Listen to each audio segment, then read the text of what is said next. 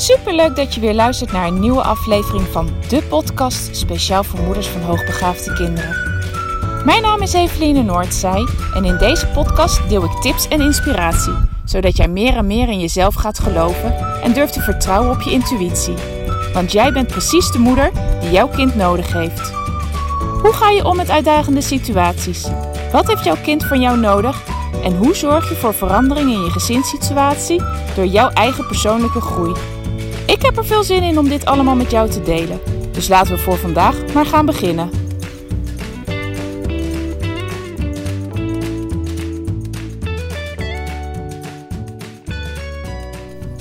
Ha, lieve luisteraar. Nou, het is alweer woensdag als deze podcast online komt. Dat gaat de tijd weer snel. Ja, dat zeg ik volgens mij wel vaker. Maar oh, het is alweer. Uh, we zijn alweer halverwege onze vakantieweek. Ik loop momenteel in het bos ergens in Overijssel. Samen met mijn zus en haar kinderen ben ik met drie van mijn kids uh, op vakantie met de caravan. Een weekje ertussenuit.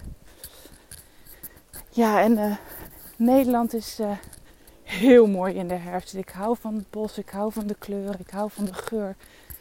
Ik vind het heerlijk. En de afgelopen dagen ben ik er niet aan toegekomen om eventjes lekker tijd voor mezelf te maken en te gaan wandelen. Het zal het weer eventjes wennen en even schakelen. En, weer een nieuw ritme vinden. Maar nu waren de kinderen allemaal lekker aan het spelen. En ik uh, zei tegen mijn zus, weet je wat? Ik neem even mijn kans. Ik ga even wandelen aan de overkant in het bos. En uh, je ziet me straks alweer verschijnen. En waar ik het vandaag met je over wil hebben, dat was een onderwerp wat vanmorgen tijdens het schrijven van een, uh, van een bericht voor Facebook, van mijn Facebookgroep en voor mijn Facebookpagina en Instagram. Me opeens weer te binnen schoot. En ik moet zeggen, dat was best wel weggezakt. Daar denk ik eigenlijk heel vaak niet meer aan. Maar terwijl ik aan het schrijven was, plopte dat opeens op en dacht: Oh, wauw, maar dit is ook echt een goed onderwerp om eens even te bespreken in de podcast. Want ik weet gewoon dat ik niet de enige ben die dit heeft meegemaakt. Nou, je zal je afvragen: waar gaat het over? Het gaat over dat een kind zomaar tegen jou kan zeggen en je daarmee ook kan overvallen op het moment dat het niet lekker met hem of haar gaat van ik hoef niet meer te leven. Ik kan net zo goed doodgaan. Uh, ik wou dat ik dood was. Nou, is het voor jou een herkenbare zin? Ik heb in ieder geval in mijn, uh, in mijn gezin wel mee te maken gehad. Dat, ik, dat een van mijn kinderen dat tegen mij heeft gezegd. En toen was ze nog echt heel jong. Toen was ze vijf jaar. En ik ben daar toen echt zo ontzettend van geschrokken. Dat ik dacht, wow, wat gebeurt mij hier? Wat, wat is er aan de hand? Hoe kan een kind van vijf jaar zo vanuit haar tenen zeggen dat het leven voor haar niet meer hoeft? Ik, uh, ik ben er echt wel heel erg van ondersteboven geweest de eerste paar dagen. Maar gelijk, vrij vlot niet gelijk. Vrij vlot had ik ook het besef, maar ja, weet je, dit zegt ze wel. Maar dit is niet wat ze echt, echt, echt daadwerkelijk wil. En toen ik me dat besefte, kon ik eigenlijk ook al gelijk weer heel rustig worden en denken van ja, ik moet dit anders interpreteren.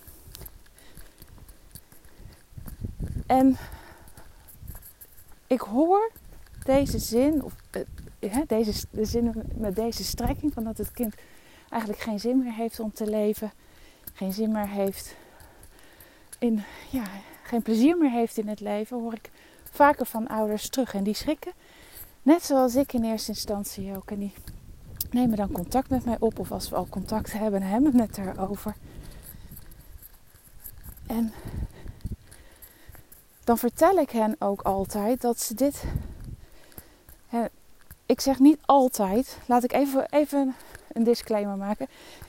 Jij kent als ouder jouw kind het aller, allerbeste. Als jij het idee hebt dat jouw kind dit heel serieus meent en hier echt iets mee gaat doen, dan moet je echt aan de bel trekken. Maar mijn ervaring is met heel veel kinderen en zeker hele jonge kinderen dat dit puur een manier is om aan te geven: help, het gaat echt niet goed met mij. Help, ik heb jouw hulp nodig. En dat het niet is wat ze daadwerkelijk echt willen. Dus het is echt een schreeuw om hulp. En dat betekent dat jij als ouder ook in actie moet komen, maar op een ander niveau. Nou, mocht jij denken, echt, echt denken dat jouw kind, hè, dus denk dat we dan te maken hebben met kinderen die wat ouder zijn, niet de kinderen zoals bij onze dochter van een jaar of vijf, maar echt ouder. En je denkt echt dat dit heel serieus is, ga het gesprek alsjeblieft met je kind aan.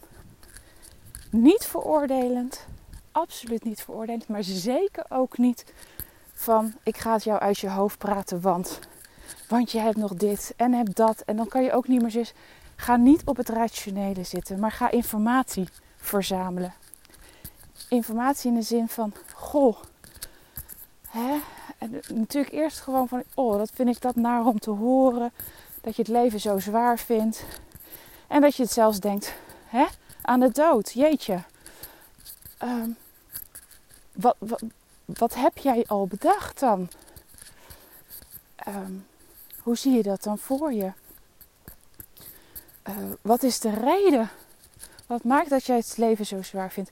Nou, ga echt in de vragende vorm zoveel mogelijk proberen aan informatie los te krijgen uit jouw kind. En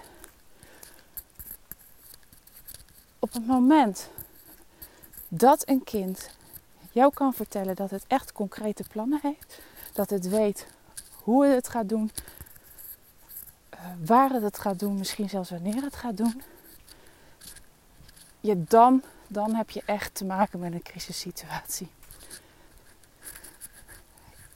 Heel veel van ons, ouders, zullen ervaren dat het kind daar helemaal nog niet mee bezig is geweest, maar dat het echt een schreeuw om hulp is geweest. Of dat het op dat moment een schreeuw om hulp is. Ervaar je nu dat het echt serieus is en dat het kind echt met zelfmoordplannen rondloopt? Schakel een hulpverlener in. Ga echt hulp verzamelen om je heen. En doe dat met de mensen waar jij vertrouwen in hebt.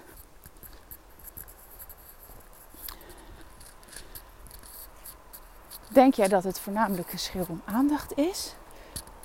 Neem het dan ook heel serieus, maar op een ander niveau. En ga kijken wat de oorzaak hiervan is.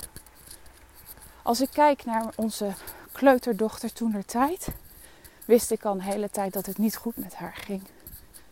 Ze had niet meer plezier op school.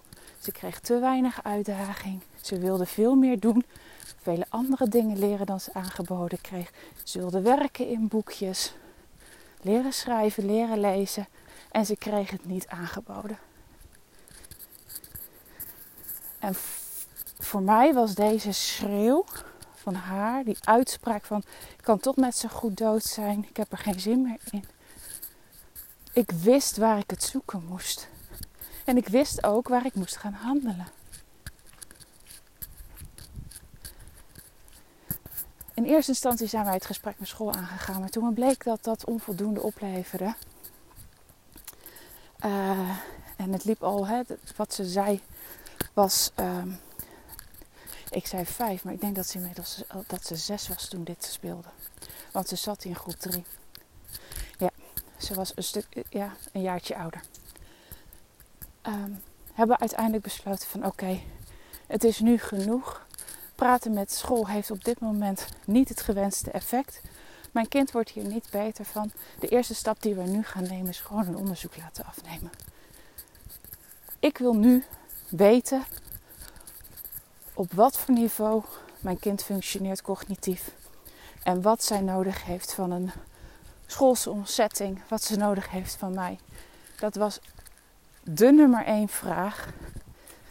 En uh, ja, daar zijn we antwoorden voor gaan, gaan zoeken middels een onderzoek. Die hebben we gekregen.